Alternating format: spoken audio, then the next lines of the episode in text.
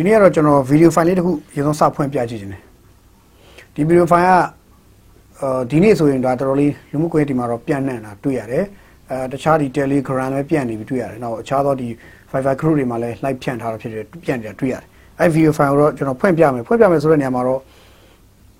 အရင်ဆုံးကျွန်တော်ဖွင့်ပြတာကိုပဲရင်ထောက်ကြည့်ပါပြီးရင်ကျွန်တော်အကြမ်းမြင်လေးကျွန်တော်ပြောပါမယ်ခဏလောက်ကျွန်တော်အရင်ဆုံးဗီဒီယိုဖိုင်ရင်းဖွင့်ပြလိုက်ပါမယ်ဟိုင်း အားလုံးပဲမင်္ဂလာပါအဒီလိုဖေးတဲ့ကျေးဇူးနဲ့ကျွန်တော်ဒီနေ့ဒီပြန်ကောင်းပါလိမ့်ဖြစ်ပါတယ်ခင်ဗျာကျွန်တော်မေလာဒီနေ့မှာဆိုလို့ရှိရင်26ရက်နေ့လာမဲလာတရက်နေ့ထိကိုခင်ဗျားတို့စီရန်လုံးရင်လုံးဝန်ထမ်းတွေအကုန်လုံးစီရန်မလုပ်လို့ကတော့ကျွန်တော်တို့ရေးတစ်မျိုးလုံးမှာရှိတဲ့စာတင်ကြောင်းတွေကျောင်းဆရာမတွေကျောင်းဆရာတွေအကုန်လုံးကို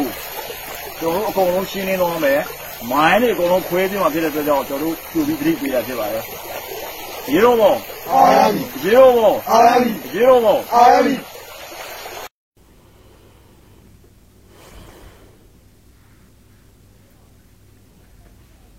အဲ့ဒီဗီဒီယိုဖိုင်ကိုမြင်ပြီးတဲ့အခါမှာခင်ဗျားတို့ဘယ်လိုခံစားရလဲတော့ကျွန်တော်မသိဘူးပေါ့နော်ဒါဘယ်လိုခံစားရလဲဆိုတော့ခင်ဗျားတို့ပဲခံစားပါကျွန်တော်တော့ဘာမှမပြောတော့ပါဘူးဘယ်လိုခံစားပါဘယ်လိုမျိုးတုံ့ပြန်မှာဘယ်လိုမျိုးလုပ်ပါဆိုတော့ကျွန်တော်ပြောစရာမလိုတဲ့အရာဖြစ်တယ် အာခင်ဗျားတို့မှာကိုယ်ပိုင်အတွေ့အခေါ် user တွေကိုယ်ပိုင်အုံနောက်တွေရှိတယ်ကိုယ်ပိုင်စဉ်းစားဆင်ခြင်တုံတရားတွေရှိတယ်ကိုယ့်အကူကိုယ်စဉ်းစားဆင်ခြင်တုံတရားနဲ့ကိုယ်ယုံကြည်သလိုကိုယ်ကိုယ်ယုံကြည်သလိုကိုယ်ရပ်ပါကိုယ်ယုံကြည်အောင်ကိုယ်ရပ်ပါကိုယ်ယုံကြည်အောင်ကိုယ်လုပ်ပါဘာလုပ်ပါညာလုပ်ပါတော့ကျွန်တော်မပြောလို့ပါဘူးအဲ့တော့သူ့ပြောကြချက်မပြောသူ့ပြောချက်ပြောချက်ချက်ကိုကျွန်တော် review ပြန်မလုပ်ခင်မှာကျွန်တော် data လေးတစ်ခုပြောချင်တယ်ဒီ data ကဘာလဲဆိုတော့တနိုင်ငံလုံးမှာတနိုင်ငံလုံးမှာမြန်မာနိုင်ငံတနိုင်ငံလုံးမှာစာသင်ကျောင်းတွေစာသင်ကျောင်းတွေနောက်ကဒီစာသင်ကျောင်းတွေနဲ့ ဆက်ဆက်ပစ္စည်းတွေချင်းချောက်မှုတွေဘုံဖောက်ခွဲခံရမှုတွေတပ်ဖြတ်ခံရမှုတွေဒဏ်ရာရမှုတွေဆရာဆရာမတွေဒဏ်ရာရမှုတွေဒါတွေကျွန်တော်စင်းလေးပြောချင်ပါတယ်အဲ့တော့ပထမဆင်းရပါလဲဆိုတော့တနိုင်ငံလုံးမှာစာသင်ကျောင်းတွေကိုမိရှုဖျက်ဆီးခံမှုအကြိမ်ပေါင်း128ကြိမ်ဖြစ်ခဲ့ပါတယ်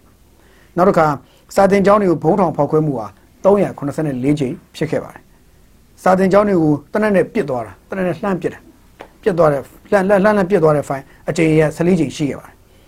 နောက်တစ်ခါစာတင်ကျောင်းတွေကိုစာတင်ကျောင်းတွေနဲ့ပတ်သက်ပြီးတော့ချင်းချောက်တာစာပြန်တင်လို့ချင်းချောက်တာ44ကြိမ်ထက်မနည်းရှိခဲ့ပါတယ်။အဲ့လိုပဲအာတပ်ဖြတ်ခံရတဲ့တပ်ဖြတ်ခံရမှုကြောင့်ဆရာဆရာမပေါင်း29ဦးသေဆုံးထားပြီးပါပြီ။29ဦးသေဆုံးထားပြီးပါပြီ။နောက်တစ်ခါအဲ့လိုပဲတက်ဖြတ်ခံရပြီးတော့ထိခိုက်ပြစ်ခတ်မှုတွေတိုက်ခတ်မှုတွေဘုံခွဲမှုတွေမိုင်းထောင်မှုတွေကြောင့်ဆရာဆရာမကြီးထိခိုက်ဒဏ်ရာရတာ28ဦးရှိပါတယ်အဲ့တော့ကျွန်တော်သေဆုံးစည်းမပြောပါမယ်အဆောက်အဦတွေအဆောက်အဦတွေပျက်စီးသွားတာပြန်ဆောက်လို့ရပါတယ် အဆောက်အဦတွေပျက်စီးသွားတာပြန်ဆောက်လို့ရပါတယ်ထိခိုက်ဒဏ်ရာရသွားတဲ့သူတွေလည်းဒါရှင်းပြောရင်တော့စာဆက်တင်လို့ရပါသေးတယ်မျက်လုံးမကန်းသွားဘူးရှာပြတ်မသွားဘူးခေါင်းပြတ်ဟိုဘယ်လိုခေါ်လဲကျွန်တော်လက်တွေချီတွေပြတ်မသွားဘူးနားတွေပင်းမသွားဘူးဆိုရင်တော့စာတင်လို့ရပါသေးတယ်အဲ့တော့တေသွားတဲ့လူကတော့ပြန်ယူလို့မရဘူးပြန်ခေါ်လို့လည်းမရဘူးပြန်ခေါ်ပြီးတော့အစအနေပြန်လုပ်ပါလုပ်ခန့်လို့မရဘူးအဲ့တော့တည်ဆုံးသွားတဲ့သူဆရာဆရာမပေါင်း29ဦးရှိပါတယ်အဲ့ တော့စာတင်ကျောင်းတွေမီးရှို့ဖျက်ဆီးတဲ့မိုင်းထောင်ဖောက်ခွဲတဲ့ဒါတွေအကုန်လုံးဟာခုနကျွန်တော်ပြောတဲ့ကိန်းကနမှာပြောမယ်ဆိုရင်တော့တော်တော်တော့များများဆဆရှိခဲ့ပါတယ်ကျွန်တော်ထင်တယ်အာဖဂန်နစ္စတန်မှာတော့ဒါမျိုးမရှိဘူးထင်တာပဲနော်အာဖဂန်နစ္စတန်မှာတော့ဒါမျိုးမရှိဘူးထင်ပါတယ်နောက်တစ်ခါကမ္ဘာကိုကမ္ဘာဒီမိုကရေစီဘိုးကြီးဖြစ်တဲ့အမေရိကန်နိုင်ငံမှာတော့ဒါမျိုးတွေဖြစ်မယ်လို့မထင်ပါဘူးဒါမျိုးဖြစ်ရင်ဒါမျိုးလုပ်တဲ့သူတွေရောအမေရိကန်နိုင်ငံမှာဆိုရင်ဘာလုပ်မယ်လို့ကျွန်တော်ဘာလုပ်မယ်လို့ထင်လဲပေါ့ဒါမျိုးသာလုပ်ခဲ့ရင်ဒါမျိုးလုပ်သူတွေကိုအမေရိကန်နိုင်ငံမှာဆိုဘာလုပ်မယ်ထင်လဲပေါ့ဒီမိုကရေစီဘိုးကြီး ယဉ်ကျေးမှုမြင့်ပါတယ်ဆိုတဲ့ဒီမိုကရေစီဘိုးကြီးနိုင်ငံကြီးကျွန်တော်တို့ရှေ့ရလူတွေတော်တော်များလေးစားအားကြပါတယ်ဆိုတဲ့အဲ့ဒီနိုင်ငံကြီးမှာဒါဒီလိုမျိုးစာသင်ကျောင်းပေါင်းစာသင်ကျောင်းတွေကိုမိရှုဖျက်ဆီးမှု128ကြိမ်ကြုံခဲ့မယ်ဆိုရင်စာသင်ကျောင်းတွေကိုဘုံထောင်ဖောက်ခွဲမှု384ကြိမ်ကြုံခဲ့မယ်ဆိုရင်စာသင်ကျောင်းတွေကိုတနက်နဲ့ပြစ်တာ14ကြိမ်ကြုံခဲ့မယ်ဆိုရင်နောက်ချင်းချောက်ခံရမှုတွေ44ကြိမ်တိတိရှိခဲ့မယ်ဆိုရင်အသက်ပြတ်ခံရမှုကြောင့်ဆရာဆရာမသေဆုံးမှု29ဦးအထိသေဆုံးသွားခဲ့မယ်ဆိုရင် နောက်တစ်ခါဆရာဆရာမထိခိုက်ဒဏ်ရာရတာ29ဦးအထိရှိခဲ့မယ်ဆိုရင်အဲ့ဒီဒီမိုကရေစီဘိုးရိမ်နိုင်ငံအမေရိကန်မှာဆိုရင်ဘာပြောမယ်ထင်လဲဘာလုပ်ပြမယ်ထင်လဲအဲ့လိုလုပ်တဲ့သူတွေကိုဘာလုပ်ပြလိမ့်မယ်ထင်လဲပေါ့ဆိုတော့ဒီမိုကရေစီနိုင်ငံဖြစ်တဲ့အမေရိကန်မှာလည်းမရှိဘူးဒါမျိုးတွေဒါမျိုးတွေအမေရိကန်မှာအဲ့လောက်မကြုံဘူးအဲ့လိုပဲဒီကမ္ဘာဟိုခုနဒီလိုပြောတဲ့မီဒီယာတွေမှာမရက်ဖော်ပြတဲ့အာဖဂန်နစ္စတန်ဆိုးရတဲ့ရန်ကားတဲ့ဟိုတာနီတာလီဘန်တွေ ရန်ကားတယ်ပေါ့ဗျာအဲ့လိုရန်ကားတန်းတန်းတယ်ဆိုတဲ့ဒေသမှာတော့အဲ့ဒါလောက်မရှိဘူးကျွန်တော်အဲ့လောက်များတဲ့ကိန်းကနမြင်ဘူးလားတော့ကျွန်တော်မသိဘူးကျွန်တော်တို့မမြင်ဘူးသေးဘူးနော်ခါတော့ဘယ်နေရာတော့ဖတ်လို့လို့မသိကျွန်တော်ဖတ်တဲ့နေရာမှာတော့မမြင်ဘူးဆိုတော့အဲ့ဒါလောက်ထိဖြစ်မယ်ဆိုရင်ဘယ်လိုလုပ်ကြမလဲပေါ့အဲ့တော့ခုနခုနဒီဗီဒီယိုဖိုင်ထဲမှာဆိုရင်ရေးမြို့တနင်္သာရီတိုင်းဒေသကြီးပဲတတနင်္သာရီတိုင်းဒေသကြီးတွေမှာပါမယ်ထင်တယ်နော်ရေးမြို့ကျွန်တော်မွန်ပြည်နယ်တော့မဟုတ်ဘူးမွန်ပြည်နယ်တော့မဟုတ်ဘူးရေးမြို့ကကျွန်တော် data မှားမှဆိုလို့ပြန်ပြောမယ်ဗျာကျွန်တော်လည်းပွင့်လည်းပြောရင်တော့မှားနိုင်တာမို့လို့ပြန်ပြောမလို့ပါမှားမှားခဲ့ရင်လည်းပြင်ရမှာမို့လို့ပါနော်အဲ့တော့အမွန်ပြည်နယ်ကဗျရေးမြို့ sorry ကျွန်တော်မှားတာမွန်ပြည်နယ်တန်းတိုင်မဟုတ်ဘူးအဲ့တော့မွန်ပြည်နယ်ရေးမြို့မှာရေးမြို့မှာရှိတယ်လို့ဆိုတော့အဲ့တော့ရေးမြို့မွန်ပြည်နယ်ဆိုတော့ဘာပဲပြောပြောဒီအောင်ကြည့်ချင်းအဖြစ်တော့ ဟိုမွန်ပြည်နယ်ဆိုတော့ဒါကယားကရင်နယ်စပ်ပေါ့ဗျာကရင်နယ်စပ်နားမှာပေါ့ကျွန်တော်ရေးဆိုတန်းတိုင်ဘက်ကိုမှားသွားတဲ့ပုံပေါ်တယ်အဲ့တော့ဒီလောက်ဒီရေးမြို့မှာရှိတဲ့ဆရာဆရာမတွေကိုတော့ဘာပြောရလဲဆိုတော့ရေးမြို့မှာရှိတဲ့ဆရာဆရာမတွေဆရာဆရာမတွေအကြောင်းအကြောင်းသားတွေအကြောင်းအပ်တာတွေအကုန်လုံးကိုနှုတ်ထွက်ကြဖယ်ကြမင်းတို့မဖယ်ဘူးဆိုရင်နော်မင်းတို့မဖယ်ဘူးဆိုရင်ဂျွန်လာတည့်နေနောက်ဆုံးတာဖယ်မဖယ်ဘူးဆိုရင်မင်းတို့ကိုမအကြောင်းတွေကိုမိုင်းထောင်ပေါက်ခွဲပြမယ်ဆရာဆရာမတွေကိုလောက်ကျန်တတ်ဖြတ်ပြမယ် လိုအပ်ရင်တော့ကျန်တဲ့ဆိုးရတဲ့ဒါတွေကျုံးမယ်ပေါ့ဗျာထပ်ကျုံးမယ်ပေါ့အဲ့တော့ဘာပြောပြောဒီလိုလုပ်ပြီးဆိုတော့ဒီလိုမျိုးကျင်ညာလိုက်ပြီးဆိုတော့စဉ်းစားကြရကောင်းတာပေါ့ဗျာစဉ်းစားကောင်းတော့ဒီလိုမျိုးပြောလိုက်တော့ရေးမျိုးမရှိလို့ဒီလိုကျင်ညာလိုက်တော့ဘာပြောပြောဒါကတော့သတိထားစရာချက်ပေါ့ဒီလောက်ကြီးပေါ်ပေါ်တင်တင်ပေါ်တင်ကိုထုတ်ပြောလာတယ်ဆိုတာကနည်းနည်းတော့ပို့ပြီးတော့စိတ်ဝင်စားဖို့ကောင်းပါတယ်ပြီးတော့ပို့ပြီးတော့လည်းစဉ်းစားကြကောင်းပါတယ်သူတို့နောက်ကွယ်မှာသူတို့ဘာတွေဖြစ်လို့ဒီလောက်တောင်ကျောင်းပညာရေးကိုမတက်စီချင်ကြတာလဲ ကလေးတွေကျောင်းသွားတက်မှာကိုအရင်အသက်တန်တားနေကြတာလေနောက်တစ်ခါကျောင်းဒီကျောင်းတွေပြန်ဖွင့်တာကိုဘာဖြစ်လို့အသက်တန်အသက်တန်နေအသေးအသေးတန်နေကန့်ကွက်နေကြတာလေကျွန်တော်နားမလည်ပါဘူးအဲ့ဒါတော့ဘာလို့ကျွန်တော်တို့ဒီဒီနိုင်ငံမှာတင်းကြီးအေဂျင့်ပါတီဆိုတော့ခေတ်ကာလတစ်ခုမှာတော့ဟိုလူဦးရေ10တန်းကျော်ဟာအခြေခံပညာအထက်တန်းမအောင်10တန်းကျော်ဟာအခြေခံပညာအထက်တန်းမအောင်ဘူးကိန်းကနန်းဒေတာရှိတယ်ခင်ဗျားတို့တကောင်စင်းတွေမှာတွားကြည့်2014တကောင်စင်းရဲ့2019 ဂျာပြတ်တကောင်စင်းရဲ့နှစ်ခုကိုတွားပြီးပေါင်းလိုက်ပြီးရှင်ထွက်လာတဲ့ data မှာဘာတွေ့ရလဲဆိုတော့10တန်းနဲ့အထက်မြန်မာနိုင်ငံရဲ့လူဦးရေတကယ်အရေးပါတဲ့အသက်အရွယ်နော်အရေးပါတဲ့အသက်အရွယ်ဆိုဥမာအခုဒီနေ့နိုင်ငံရေးခင်းချင်းအဆုံးဖြတ်ပေးနေတဲ့အသက်အရွယ်တွေမှာပါတယ်ဥမာအသက်အခုဆိုအသက်20နဲ့20နဲ့ဒီဘက်45ကြားအဲ့ဒီလူဦးရေ10တန်းနဲ့အထက်က10တန်းနဲ့အထက်ကအခြေခံများထက်တန်းမအောင်ထားဘူးဘွဲမရထားဘူးပေါ့ဗျာမြန်မာနိုင်ငံရဲ့ပညာရေးစုပ်ပြတ်တတ်ပါတယ်ဆိုတော့ညစ်ပတ်စုပ်ပြတ်တတ်သုံးစားလို့မရတဲ့ပညာရေးပါလို့ပြောရင်တော့အဲ့ဒီ ဘာမှသုံးစားလို့မရတဲ့ပညာရေးကိုတော့အချိန်10တန်းတော့အောင်ဖြေမထားနိုင်ဘူးအဲ့လိုလူအများကြီးရှိတယ်10တန်းကျော်တယ်အများကြီးရှိတယ်အဲ့တော့ဒီလိုမျိုးဖြစ်နေတော့ဒီလိုကာလာမျိုးမှာဒီကလေးတွေအကြောင်းသာမတက်ဖြစ်ရင်နောက်တစ်ခုထပ်ပြောရင်တော်လန်ရေးကြီးအောင်မှသာအကြောင်းတက်ရမယ်ဆိုရင်ကျွန်တော်ပြောပြီးပြီခဏခဏတော်လန်ရေးကြီးအောင်မှအကြောင်းတက်ရမယ်ဆိုရင်တော့ခင်ဗျားတို့သိကြတယ်အကြောင်းတက်တဲ့အချိန်ဟာတင်ချိုင်းကုန်းတစ်ဖက်လမ်းနေတဲ့အချိန်ရောက်အကြောင်းတက်ရလိမ့်မယ်အဲ့ချိန်ကြမှာဆိုရင်တင်ချိုင်းကုန်းတစ်ဖက်လည်းခြေတစ်ဖက်လမ်းနေရောအကြောင်းတက်ရလိမ့်မယ်နော်အဲ့တော့သိကြတယ်ကျွန်တော်တို့ရှင်းရှင်းလေးပဲအဲ့ဒီအဲ့ချိန်မှာတက်မယ်ဆိုရင်တော့အဲ့ကလေးအကြောင်းမတက်နဲ့တော့ ရိုးရိုးလေးပဲအကြောင်းတက်မနေနဲ့တော့မထူးတော့ဘူးဘာလို့တင်ချိုင်းကုန်းတစ်ဖက်လမ်းတော့မှာပဲအဲ့ကလေးတင်ချိုင်းကုန်းအခြေတစ်ဖက်လမ်းနဲ့ချိန်ကြမှာအကြောင်းတက်ပြီးတော့မဖြစ်နိုင်တော့မဖြစ်နိုင်တဲ့ကိစ္စကြီးကိုပြောသလိုဖြစ်နေတယ်ကျွန်တော်တို့ရိုးရိုးလေးပဲဟိုဗြမပြ address နဲ့ဟိုလူပြ address ဒီလိုလာထိတဲ့တွေ့ရင်တွေ့မယ်မဟိုကြောင်းပြန်တက်မဲ့ကာလကမနှက်ဖန်တစ်ပတ်ခါလို့ပြောလာမနှစ်လို့ပြောမဖြစ်နိုင်ဘူးကြာအဲ့ဒါလုံးဝမဖြစ်နိုင်မဖြစ်နိုင်တဲ့အတွက်မဖြစ်နိုင်တာကိုအဝေးဟာကိုလှန့်တမယ်စာအနီးမှာရှိတဲ့တကယ်လုံးတင်တာကိုရင်စားလုပ်ဖို့လိုပါတယ်ကျွန်တော်ခဏခဏပြောတဲ့အခြေခံပညာရေးကျောင်းပညာရေးဟာ ကျောင်းသူကျောင်းသားတိုင်းကလေးငယ်တိုင်းရဲ့ပညာသင်ကြားပိုင်ခွင့်ဟာခင်ဗျာစစ်တပ်နဲ့လည်းဘာမှမဆိုင်ဘူးတော်အောင်ဆန်းစုကြည်နဲ့မဆိုင်ဘူးဦးမင်းအောင်လည်းမဆိုင်ဘူးခင်ဗျာ UNG နဲ့လည်းမဆိုင်ဘူး PDF တွေနဲ့လည်းမဆိုင်ဘူး CRPH နဲ့လည်းမဆိုင်ဘူးဘယ်ကောင်တွေမှမဆိုင်ဘူးဗျာနိုင်ငံသူနိုင်ငံသားတိုင်းဒီနိုင်ငံမှာမွေးတဲ့ကလေးငယ်တိုင်းမှာရပိုင်ခွင့်ရှိတဲ့မွေးရပါအခွင့်အရေးဗျဘယ်သူမှအဲ့ဒါကိုတားမြစ်ပိုင်ခွင့်မရှိဘူးလို့ကျွန်တော်ခဏခဏပြောခဲ့ဘူးလေအဲ့ဒါကိုတားနေပြီဆိုတားတဲ့လူတွေအကြမ်းဖက်တွေပဲဒါအကြမ်းဖက်သဘုံတွေပဲအကြမ်းဖက်သဘုံအကြမ်းဖက်ကမှတကယ်ရန်ကားနေအကြမ်းဖက်သမားတွေပဲ တကယ်ကိုဒီပုံမှန်အသိစိတ်တဲ့အောက်ကိုကြော်ထွက်သွားတဲ့အရန်ဖက်လုံးဝအကြမ်းဖက်နေတဲ့အကြမ်းဖက်ရန်ကားနေတဲ့လူတွေပဲဒါလုံးဝ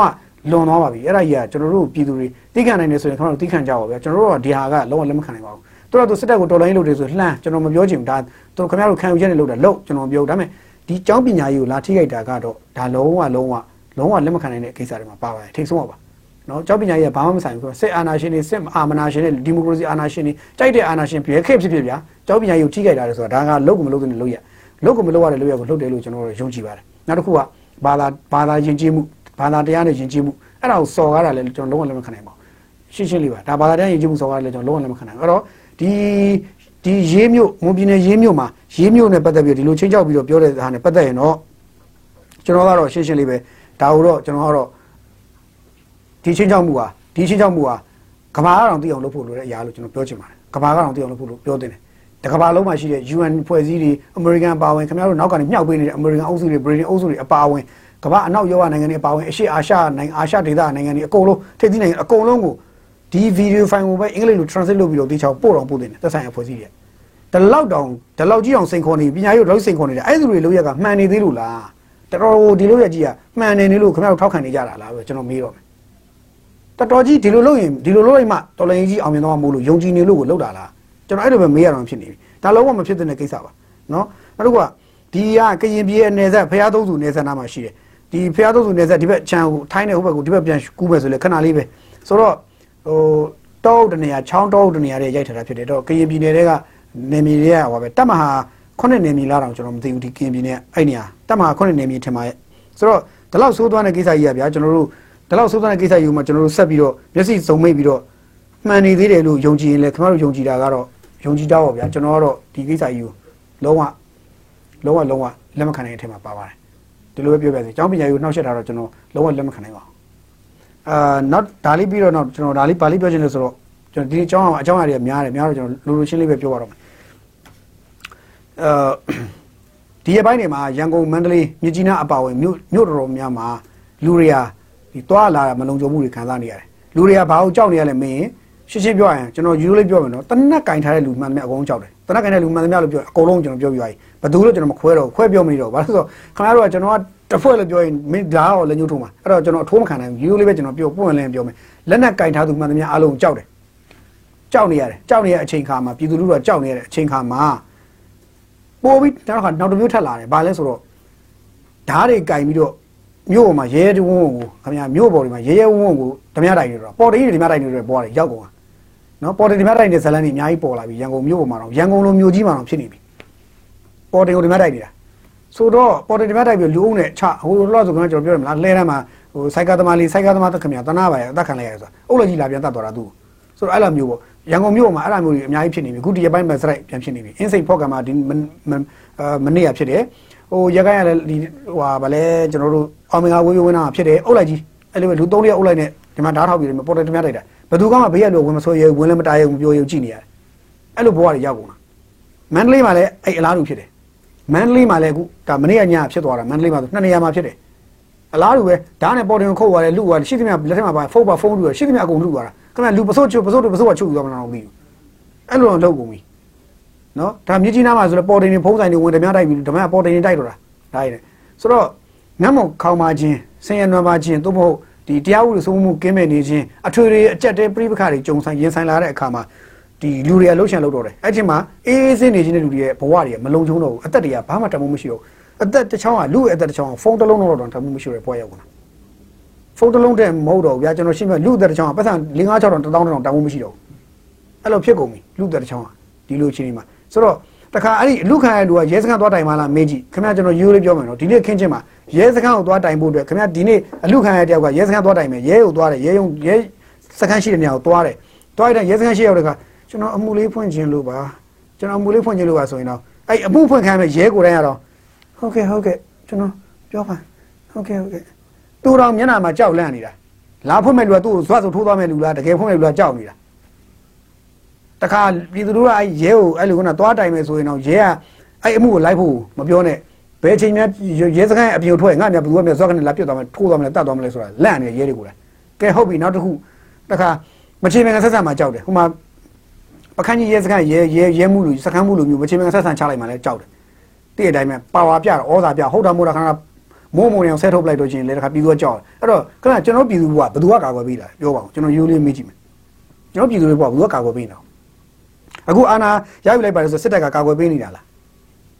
အဲ့ PDF တွေဆိုတော့ပြည်သူကာကွယ်ပါတယ်ဆိုတော့ပြည်သူကာကွယ်ရေးတပ်ဖွဲ့ပါဆိုတော့အဲ့လူတွေကကာကွယ်ပေးနေရလားဘယ်သူတွေကကျွန်တော်တို့ကာကွယ်ပေးနေတာအဲ့လိုဘယ်ကောင်နေမှမသိဘသူကမှမသိဘသူမှလည်းကျွန်တော်တို့ကာကွယ်ပေးအကုန်လုံးကျွန်တော်တို့ဝိုင်းနိုင်ချင်တာ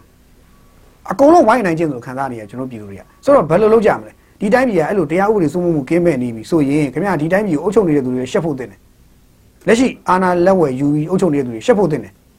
ခင်ဗျားတို့ဟိုအကြောင်းပြတယ်ကျွန်တော်ကြောင်းပြနေတယ်ဆိုတော့ခင်ဗျာပြရတော့ပြလို့ရတာပေါ့ဗျာခင်ဗျာခဏနေကျွန်တော်ရောက်နေကျွန်တော်ပြရင်ပြလို့ရတယ်ပဲလူတွေကြခြင်းစိတ်စေနာမပိုင်ကျွန်တော်ပြမယ်ကျုံတို့ပြလို့ရတယ်အဲခင်ဗျာကြီးခေါင်းစဉ်မျိုးစုံတက်ပြီးတော့မျိုးစုံကျွန်တော်လှောက်ချလွှဲချလို့ရတယ်စိတ်စေနာတကယ်စိတ်စေနာပါလို့ရှိရင်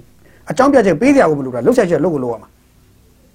စိတ်စေနာမှမပါတာပြည်သူပေါ်စိတ်စေနာခင်ဗျားတို့ပါတယ်ဆိုပြတင်တာဗောဗျာခင်ဗျာရှင်းရှင်းလေးပဲပြည်သူပေါ်မှာတကယ်စိတ်စေနာရှိရဆိုလောက်ပြနေရှင်းရှင်းလေးပြည်သူလူထုလုံခြုံမှုဘဝကြီးလုံခြုံမှုရအောင်အရင်နံပါတ်1လောက်ပြပြီးရင်ပြည်သူလူထုရဲ့ ဟိုစီးပွားရေးကြက်တဲနေမှုဒုက္ခရောက်နေမှုဒုက္ခရောက်နေမှုတွေကိုခင်ဗျားတို့စင်ပြန်လုပ်ပြအဲ့ဒါဆိုရင်ခင်ဗျားတို့ကိုမကြိုက်ဘူးဆိုတဲ့လူတော်ပြန်ကြိုက်လာလိမ့်မယ်ရှင်းရှင်းလေးလူထုကပါလေလိုချင်တာပါလေလူထုကသူတို့ကိုတကယ်တမ်းသူတို့နေလို့ထိုင်လို့ကောင်းအောင်တက်တာချောင်းကြီးမှုဖြစ်အောင်အစဉ်ပြေချောပွင့်အောင်လုပ်ပေးတဲ့လူမျိုးကိုပဲအစိုးရဖြစ်နေတတ်မှတ်တာသူတို့ဒုက္ခဘောင်းဆောင်ပေးနေလူဘယ်သူမှဆိုရလို့မတတ်မှာဘူးအစတွေကမကြိုက်ပါဘူးဆိုမှခင်ဗျားတို့ဒုက္ခဒုက္ခဘောင်းဆောင်ခင်ဗျားတို့ဝင်မကယ်ပေးတဲ့ပြင်လစ်လူရှူထားတဲ့ပုံစံမျိုးတေတေတေပလိစီကိုပြစ်ထားတဲ့ပုံစံမျိုးဆိုရင်တော့ခင်ဗျားတို့ဘလို့မှချစ်လာတဲ့ကြောင့်ကြိုက်လာတဲ့ကြောင့်မရှိဘူးခင်ဗျားတို့ငကိုတွေကတုံရင်တုံရင်ပဲ တုံရင်တောင်ဆိုးသွားအောင်မယ်ရှင်းရှင်းလေးအဲ့တော့ဘာလို့ကြမှာလဲပေါ့ကျွန်တော်ရိုးလေးမေးချင်တာခင်ဗျားဘာလို့ကြမှာလဲ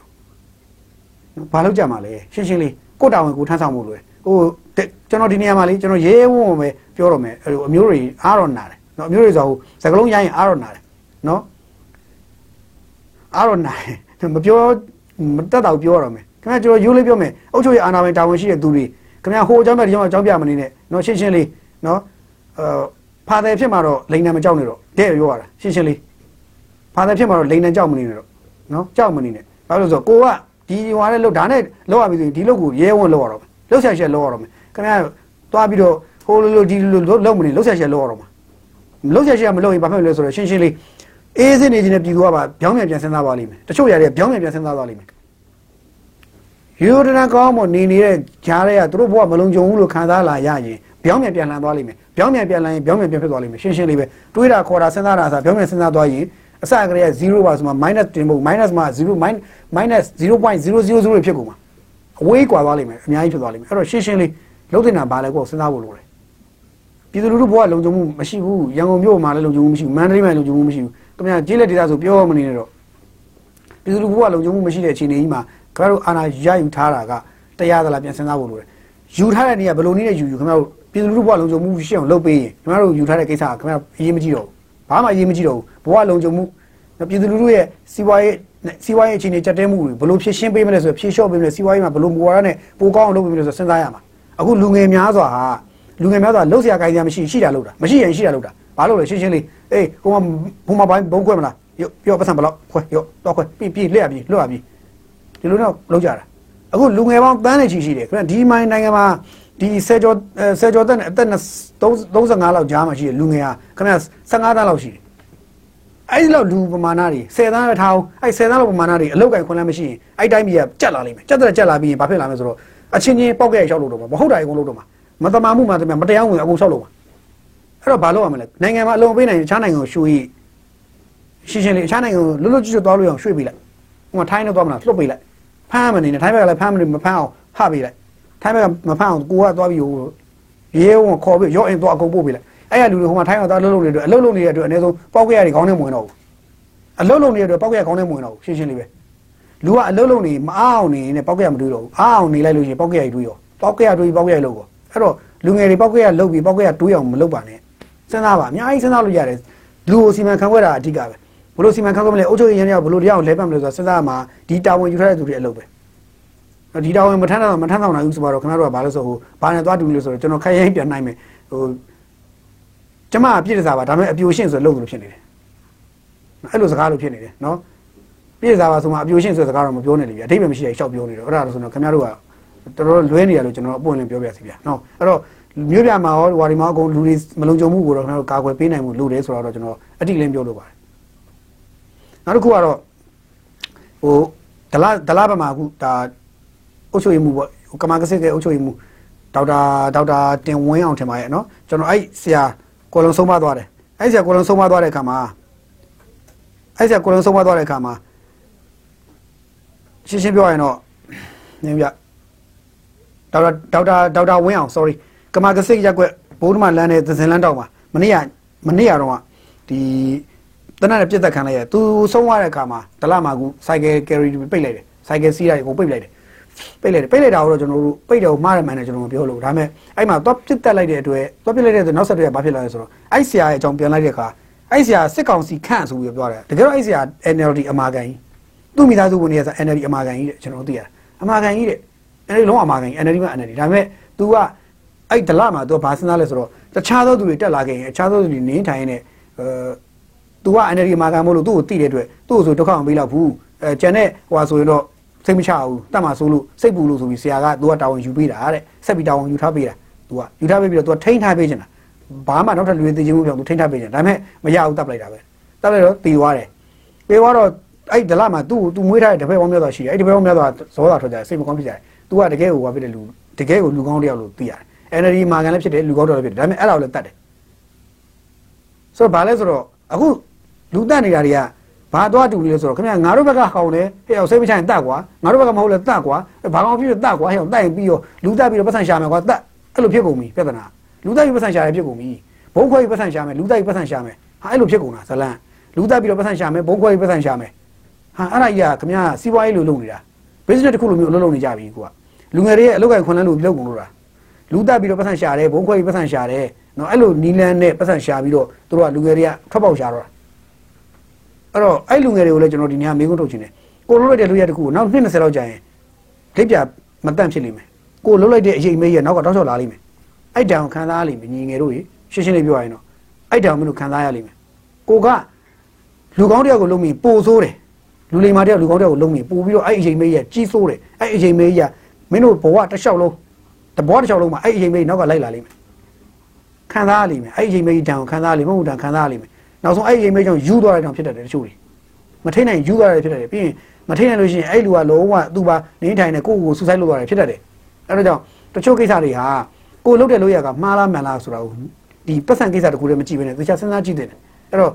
ရန်ကုန်မြို့မှာရှိတဲ့ညီငယ်ဖြစ်ဖြစ်မန္တလေးမှာရှိတဲ့ညီငယ်တွေဖြစ်ဖြစ်နော်ဟိုဒေသသီးသီးမှာရှိတဲ့ညီငယ်တွေဖြစ်ဖြစ် UG လုပ်နေတဲ့လူတွေဖြစ်ဖြစ်ဘလို့ဖြစ်ဖြစ်အဲ့ညီငယ်တွေအကုန်လုံးတခြားစဉ်းစားကြည့်တယ်မှာနောက်ကွယ်ညီလေးတို့ခိုင်းနေတဲ့လူတွေကဘာလို့လိုချင်နေလဲဆိုတော့ညီလေးတို့မြင်အောင်မှန်အောင်မြင်ပေးကြဖို့လိုတယ် နောက်ကွယ်ခိုင်းနေတဲ့လူတွေကညီလေးတို့အသုံးချပြီးတော့ညီလေးတို့ပတ်စံလေးနည်းနည်းလေးပေးပြီးတော့ဘာမှမဟုတ်တယ်မစိုးဖို့လေးပေးပြီးတော့သူတို့ကအေးအေးဆေးဆေးဟိုမှာတာယာပြီးတော့ညီလေးတို့ဒီမှာရှိပါတက်ခိုင်းပြီးတော့ထောင်ထဲကိုလည်းဝင်ခိုင်းတယ်အချင်းကြီးမကောင်းထောင်ထဲဝင်ဖမ်းခိုင်းထောင်ထဲဝင်တောင်းဖို့ပြန်ခုခံအပြစ်သက်ခံရမယ်နောက်ဆုံးဘာဖြစ်လဲဆိုတော့ဘဝကြီးပဲပြင်မယ်မိသားစုပါအရှက်တကွဲဖြစ်မယ်အဲ့ဒီဟာဘဝတွေကိုညီလေးတို့တွန်းပို့လိုက်တာညီလေးတို့ရဲ့စိတ်ထဲမှာအော်ဒီလိုလုပ်ရင်ငါတို့ကသူရောင်းဖြစ်မယ်ထင်တယ်ဆိုတော့စိတ်ထဲမှာစွန့်စားခြင်းနဲ့စိတ်သုံးဖို့ငွေကြေးလိုအပ်ချက်လိုအပ်ချက်ပေါ်မူတည်တဲ့စိတ်အဲ့စိတ်ကိုတည်ပြီးကစားပြီးတော့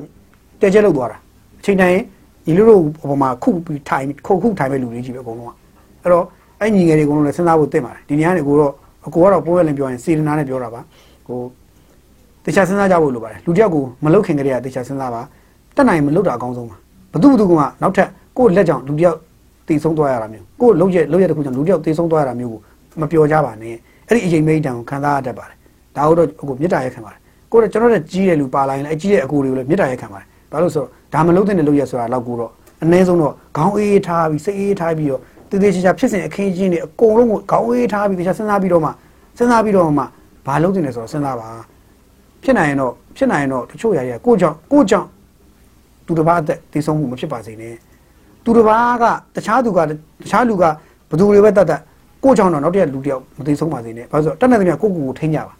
ကိုယ့်ရဲ့စိတ်ကိုထိန်းကြပါကိုယ့်ရဲ့ emotional ဟို emotional thinking ကိုထိန်းကြပါ emotional action ကိုလည်းထိန်းကြပါနော်အဲ့ဒါလေးကိုထိန်းနိုင်မှသာလျင်တိုင်းပြည်တည်ငြိမ်အေးချမ်းရေးပြင်ရမှာမထိန်းနိုင်ရင်တော့ရှင်းရှင်းလေးပြောရင်ကိုယ်လည်းမတည်ငြိမ်ဘူးသူများလည်းမတည်ငြိမ်ဘူးအဲ့တော့ကိုယ်ပါမတည်ငြိမ်နေသေးသူများမတည်သူများမတည်ငြိမ်တာကတပိုင်းဖြစ်ပြီးကိုယ်မတည်ငြိမ်မှုကပို့ပြီးတော့ပူလောင်ပါတယ်အဲ့ပူလောင်မှုနဲ့မနေကြဘူးလို့ပါတယ်ပြီးတော့အဲ့ဒါကိုဘဝကြီးလို့မထင်ကြပါနဲ့အဲ့ဒါဘဝမဟုတ်ဘူးဘဝကနောက်ထပ်ရှောက်မခီးအရှိကြီးပဲအဲ့ကိုရှောက်မခီးအရှိကြီးရှောက်လုံးမှာကိုကဘယ်လောက်ထိဖြူစင်တန်ရှင်းခဲ့တယ်ကိုကိုကဘယ်လောက်ထိအရှိမဲတွေ ကိုဘဝပေါ်မှာဘယ်လောက်ထိလွှမ်းမိုးမှုကြီးလာခဲ့တယ်လဲဆိုတော့ပြန်စဉ်းစားကြဖို့လိုပါတယ်ဒါတော့ဒီနေရာနေအဲ့ဒီဒီရန်ကုန်မှာဖြစ်မန္တလေးမှာဖြစ်ကြိုက်တဲ့နေရာမှာမြည်သည့်နေရာမှာဖြစ်ဖြစ်ရှိတဲ့ UG တွေရောဒီတင်တဲ့တက်ပြီးသားလူငယ်တွေရောညီငယ်တွေရောမလုပ်ကြဘူးတေချာပြန်စဉ်းစားကြဖို့ပဲမလုပ်နဲ့တော့မပြောချင်သေးဘူးအရင်ဆုံးတေချာညီလေးတို့ခေါင်းအေးအေးထားပြီးတော့ငါတို့ဘာအတွက်လုပ်နေရလဲဆိုတော့လေခေါင်းအေးထားပြီးတော့ပြန်စဉ်းစားကြဖို့လိုတယ်လို့တော့ဒီနေရာမြစ်တိုင်တိုက်တွန်းလိုပါတယ်နော်အာနောက်တစ်ခုကတော့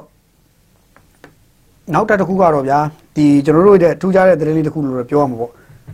အဲစစ်တပ်ကဒီနတ်ဆက်ကခေါင်းဆောင်ဗိုလ်ချုပ်ကြီးမင်းအောင်လှိုင်ကဖိတ်ကြားမှုတစ်ခုလုပ်လိုက်တယ်လို့သိရတယ်။ဘာဖိတ်ကြားမှုလဲဆိုတော့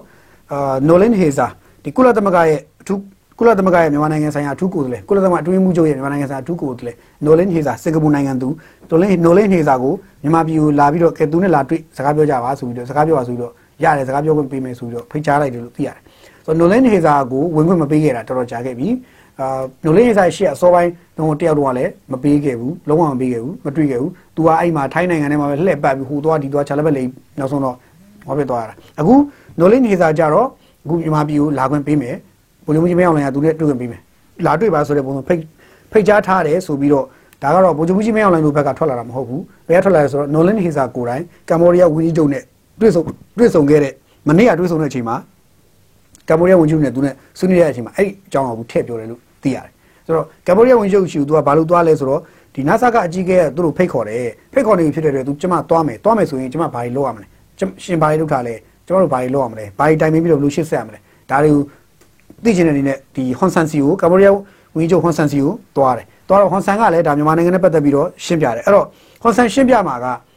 နိုလင်းဟေစာရေးသွားမနေနဲ့အဲ့ဒီကောင်လေးကဘာဖြစ်လဲညာဖြစ်တာပြောမလားဒါမှမဟုတ်ကဲနိုလင်းဟေစာရေး နိုလင်းဟေစာရေးမင်းတို့အနေနဲ့သွားမယ်ဆိုရင်တော့ဒါတွေဒါတွေတော့ရှောင်းဒါတွေဒါတွေတော့ဆောင်းဟိုမှာကဘယ်လိုချင်းနေရှိဒီမှာဘယ်လိုချင်းနေရှိဒါတွေကိုသူမြေပြင်ရှိတရားတွေကိုဟွန်ဆန်ကတော့ရှင်းပြပါလိမ့်မယ်ဟွန်ဆန်သူ့လက်ထက်မှာသူကရှင်းရှင်းလေးပါသူအာဆီယံဥက္ကဋ္ဌအလှည့်တာဝန်ကျတဲ့အချိန်မှာ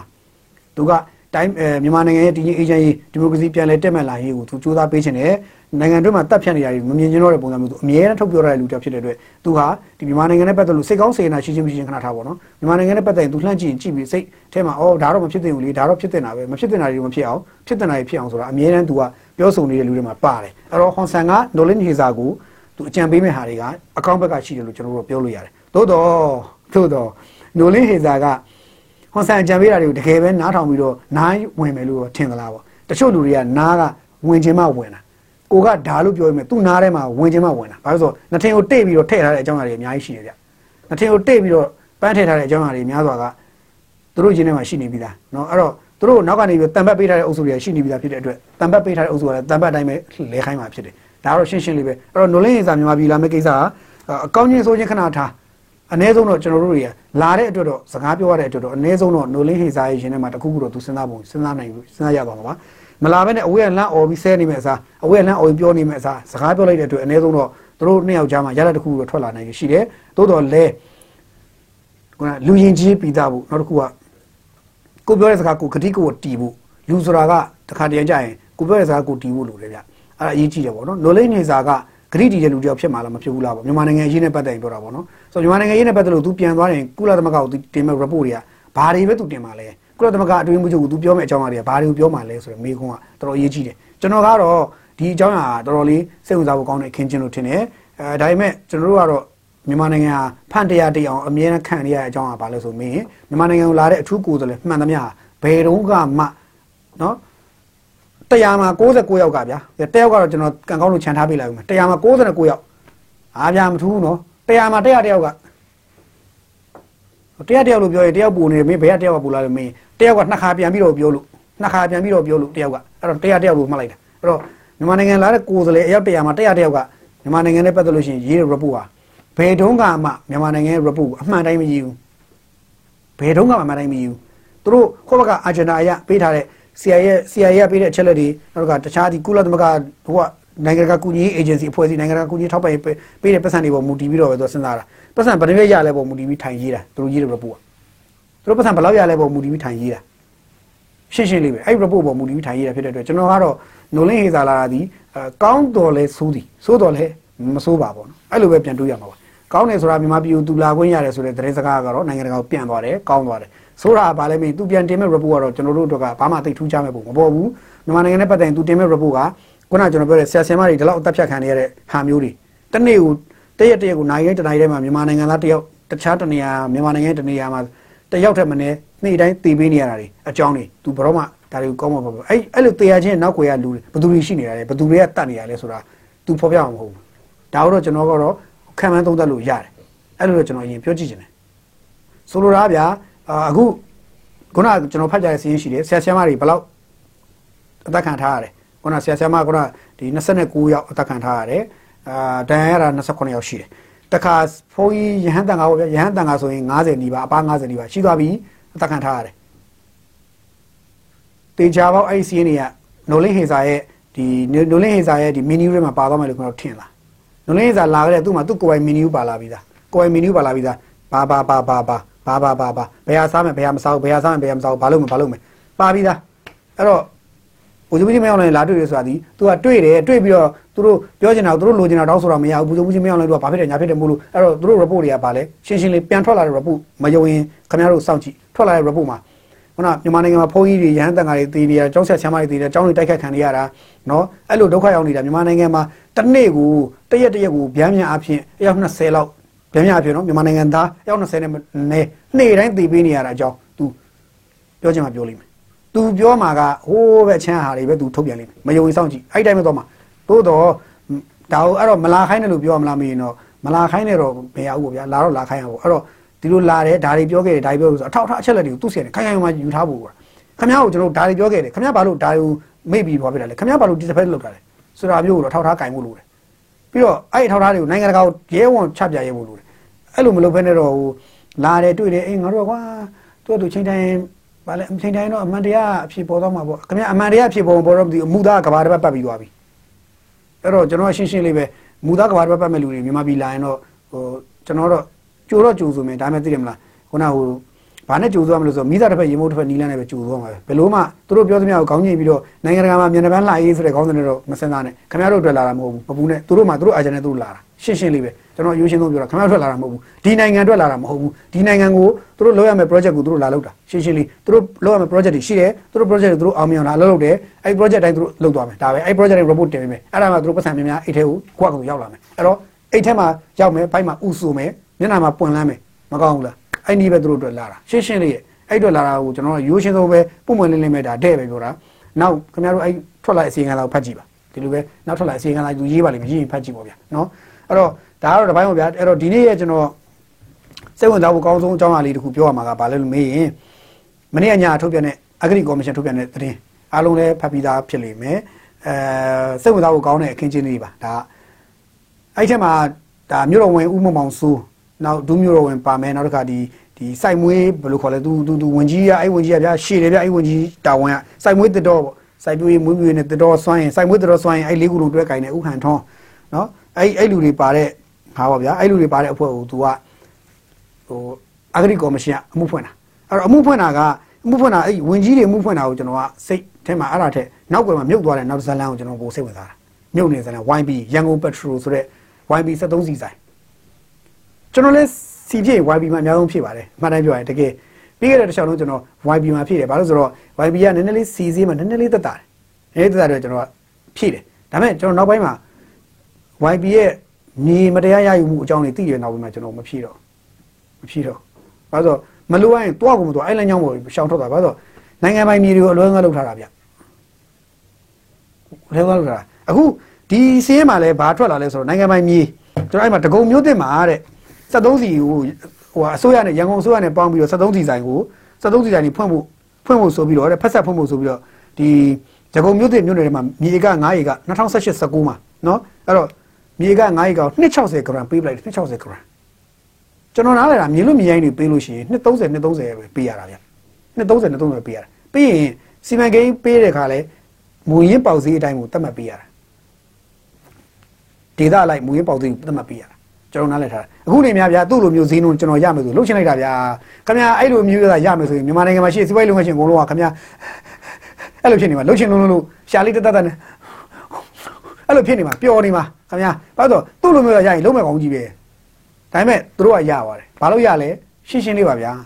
ရှင်းရှင်းလေးပါအလကားတော့ဘယ်ရမလဲညီလေးတို့နဲ့လှုပ်လို့ဘွားကိုကြီးတို့ကရတယ်လှုပ်ပေးမယ်ကိုကြီးတို့ရတယ်လीလှုပ်ပေးမှာပေါ့ ဟိုခုဘက်ချားအောင်စုလားဟာညီတို့တို့ကမရဘူးလှုပ်ပေးလို့မရဘူး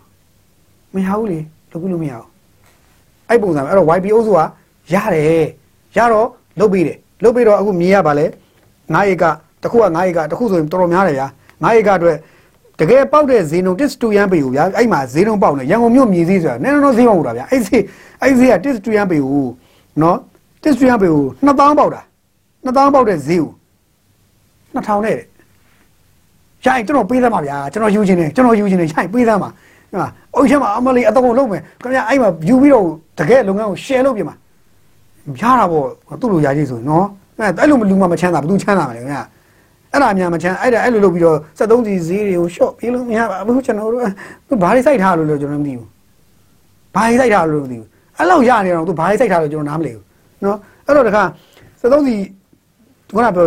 အဲ့မြေကို9ရေကဗျာနည်းနည်းတော့ချိန်ဘူး9ရေကဆိုတာရန်ကုန်မြို့မှာ9ရေကဆိုနည်းနည်းတော့ချိန်မဟုတ်ဘူးမသိဗျာစစ်တပ်စစ်တပ်ထဲတော့သူကပုံမြေကြီးပိုင်လို့ဖြစ်သွားပြီစစ်တပ်ရန်ကုန်မြို့မှာမြေတွေအများကြီးရှိတယ်စစ်တပ်ပိုင်မြေတွေအဲ့စစ်တပ်ကြောင့်သူကပူပိုင်လို့ဖြစ်နေမြေက9ရေကဆိုနည်းနည်းတော့မဟုတ်ဘူးနောက်ထပ်ရှိတယ်60နဲ့ဟိုရှိသေးနောက်ထပ်တစ်ခုဆိုရင်တော်တော်များတယ်ဗျ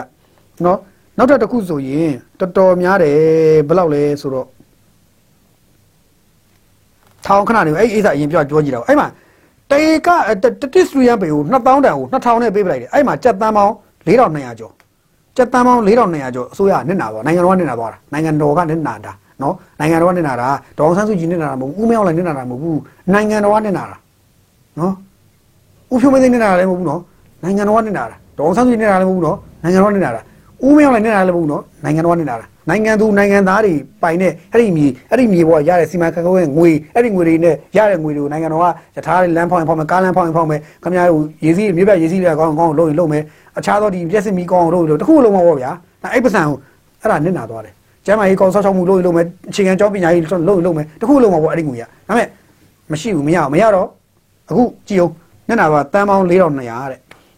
တန်တန်ပေါင်း4200သိန်းပေါင်း4200သိန်းပေါင်း4200ဆိုခင်ဗျာကျွန်တော်တို့ဗျာကျွန်တော်တို့ဒီ ခင်ဗျာသိန်းပေါင်း4200ရဖို့လေရိုးရိုးသားသားရှာ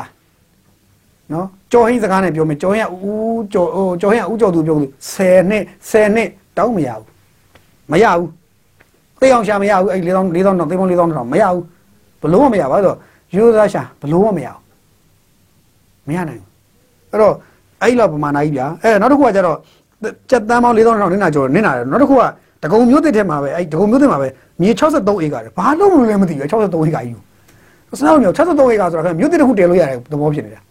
သိလားနေမှာမြို့မှာဆိုမြို့တစ်မြို့တည်လို့ရတဲ့သဘောပဲနေမြို့တစ်မြို့လိုမျိုးမြို့ကြီးမြို့နဲ့တစ်မြို့နဲ့တည်လို့ရတယ်63ဧကဆိုဟာဘာလို့မလို့အဲ့လောက်ကြီးယူတာလည်းမသိဘူး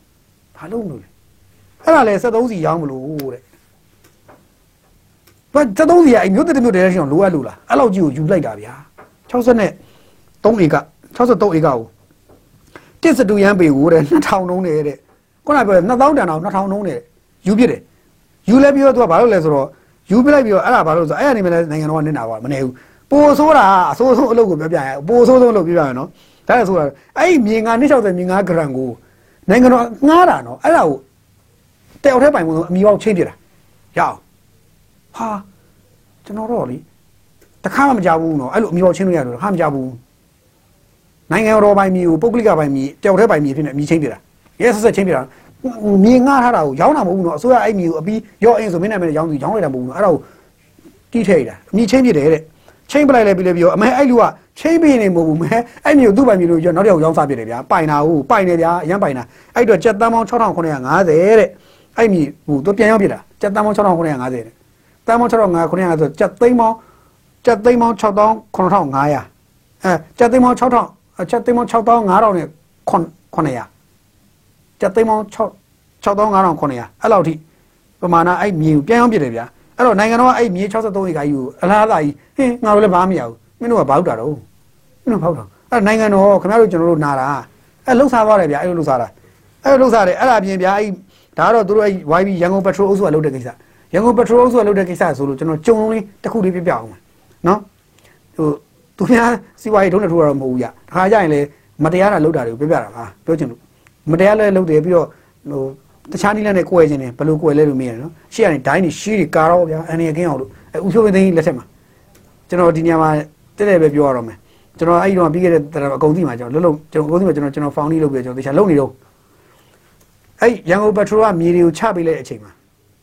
ကျွန်တော် YBS တုန်းကကျွန်တော်ကကောင်းကောင်းဖျဲတာ ဟောရန်ကုန်ဖျဲထားပြီးလည်းပြီးနောက်ကျရန်ကုန်ပက်ထရိုထည့်ရရောက်ကျွန်တော်မလိုက်ရသေးဘူးတရင်ကနာမည်တရင်စိတ်အပုတ်နိုင်ထွက်နေပြီအပုတ်နိုင်တစ်ထောင်ထွက်နေပြီသိမလားတချို့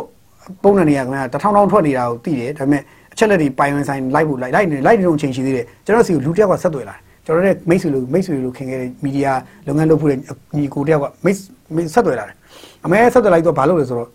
အာကျွန်တော်မင်းတဲ့အခုကြော်ညာလေးထည့်ချင်လို့တဲ့ညီလို့မဂ္ဂဇင်းမှာရောမီဒီယာမှာရောတဲ့ထည့်ချင်လို့ဆိုဟောရရလေကြော်ညာထည့်ရင်တော့လက်ခံတာပေါ့လို့ ဆိုဘာလို့ဆိုအရောက်သွားပြီးစကားပြောတော့မှာရန်ကုန်ပက်ထရို YP အတွက်ကိုကျွန်တော်ထည့်ချင်လို့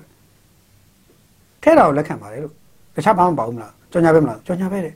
အဲ့တော့ညီလေးရတယ်ကိုတို့ကလည်းရန်ကုန်ပက်ထရိုကြော်ညာဒီလိုဖဲ့ရမှာဟိုမီဒီယာရဲ့အနေနဲ့ဟိုရန်ကုန်မီဒီယာနဲ့ပတ်သက်ပြီးတော့ရန်ကုန်ပက်ထရိုကကြော်ညာတွေနှစ်ချုပ်စာချုပ်ချုပ်ပြီးပေးတာမျိုးရှိတယ်အဲ့ဒါမျိုးတွေ၅၆ခုလောက်ခုနကမီဒီယာတွေသူကချုပ်ပြီးစာချုပ်ပေးတယ်ပေါ့ဆိုကျွန်တော်တို့အဲ့ဒါနဲ့ကျွန်တော်တို့ရောကျွန်တော်ကအဲ့လိုကြာကြုံနေလားဆိုမဟုတ်ဘူးလေညီလေးကိုတို့ကတော့တလားနှစ်လားသုံးလားတော့စမ်းကြည့်မယ်လေတဲ့ပြီးရင်တော့အဲစင်ပြေတော့ဆက်ပါပြီပေါ့ တဘောကတော့ရှင်းရှင်းလေးအဲ့တုန်းကရှင်းရှင်းလေးကျွန်တော်တို့ဖမ်းပြီးဆွဲဥလာဥပြီးတော့ဗါဆိုကြော်ညာလာထဲတယ်ထဲပြီးတော့ကြော်ညာနဲ့ဥပြီးထိန်းထားလိုက်တယ်ကျွန်တော်ရင်တော့တစ်ခါပြောဘူးလေမီဒီယာကိုကြော်ညာနဲ့ပတ်ပတ်ဆိုထိန်းလိုက်တာပတ်ဆိုထိန်းလိုက်ပြီးတော့သူ့ကိုဆက်မကြီးအောင်ပေါ့ဗျာဆက်မလိုက်သူ့တကြောင်မလိုက်အောင်လို့လုပ်တာအဲအဲ့လိုဆိုတော့ပြည့်ပြည့်တော့ဘယ်လိုဟာမဟုတ်တဲ့အဲရန်ကုန်ပထရိုလူအုပ်စုတွေရတယ်တကယ်ယူသားပါတယ်ဖြူစင်ပါတယ်တန်ရှင်းပါတယ်လုံးဝ innocence ခမရဗျာလုံးဝပန်းလူသွေး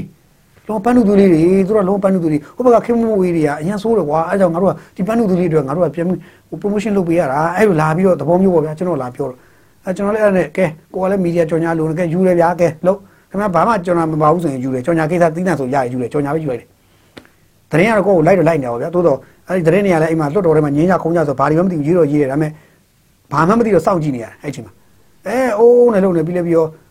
ပြီးလဲပြီးတော့ရန်ကုန်ပထရိုအိမ်မှာအဲ့လိုပဲမြေကြီးအကြီးကျယ်ရပါတယ်ဆိုတဲ့တရင်ကြီးရလဲတော့ဆော့ပွဲလို့ရရပြီးတော့11ဘောကပြူပြူပြရုံကြီးတာဆိုတော့ပြောချင်တာအဲ့တုန်းကမီဒီယာကိုလိုက်ပြီးတော့ကြော်ညာလေးလိုက်ထိန်းတာသူကတရင်ကြီးအိုးမထွက်လာအောင်ထိန်းတာဝိုင်ရန်ကုန်ပထရိုအုပ်စုက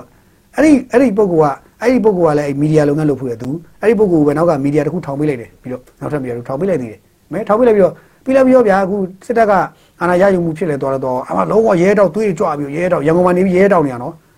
အော်ပြီးလို့ရှိရင်ရန်ကုန်မှာနေရဲတောက်ပြီးတော့ပြီးလည်းပြီးတော့ဘာလို့လဲဆိုတော့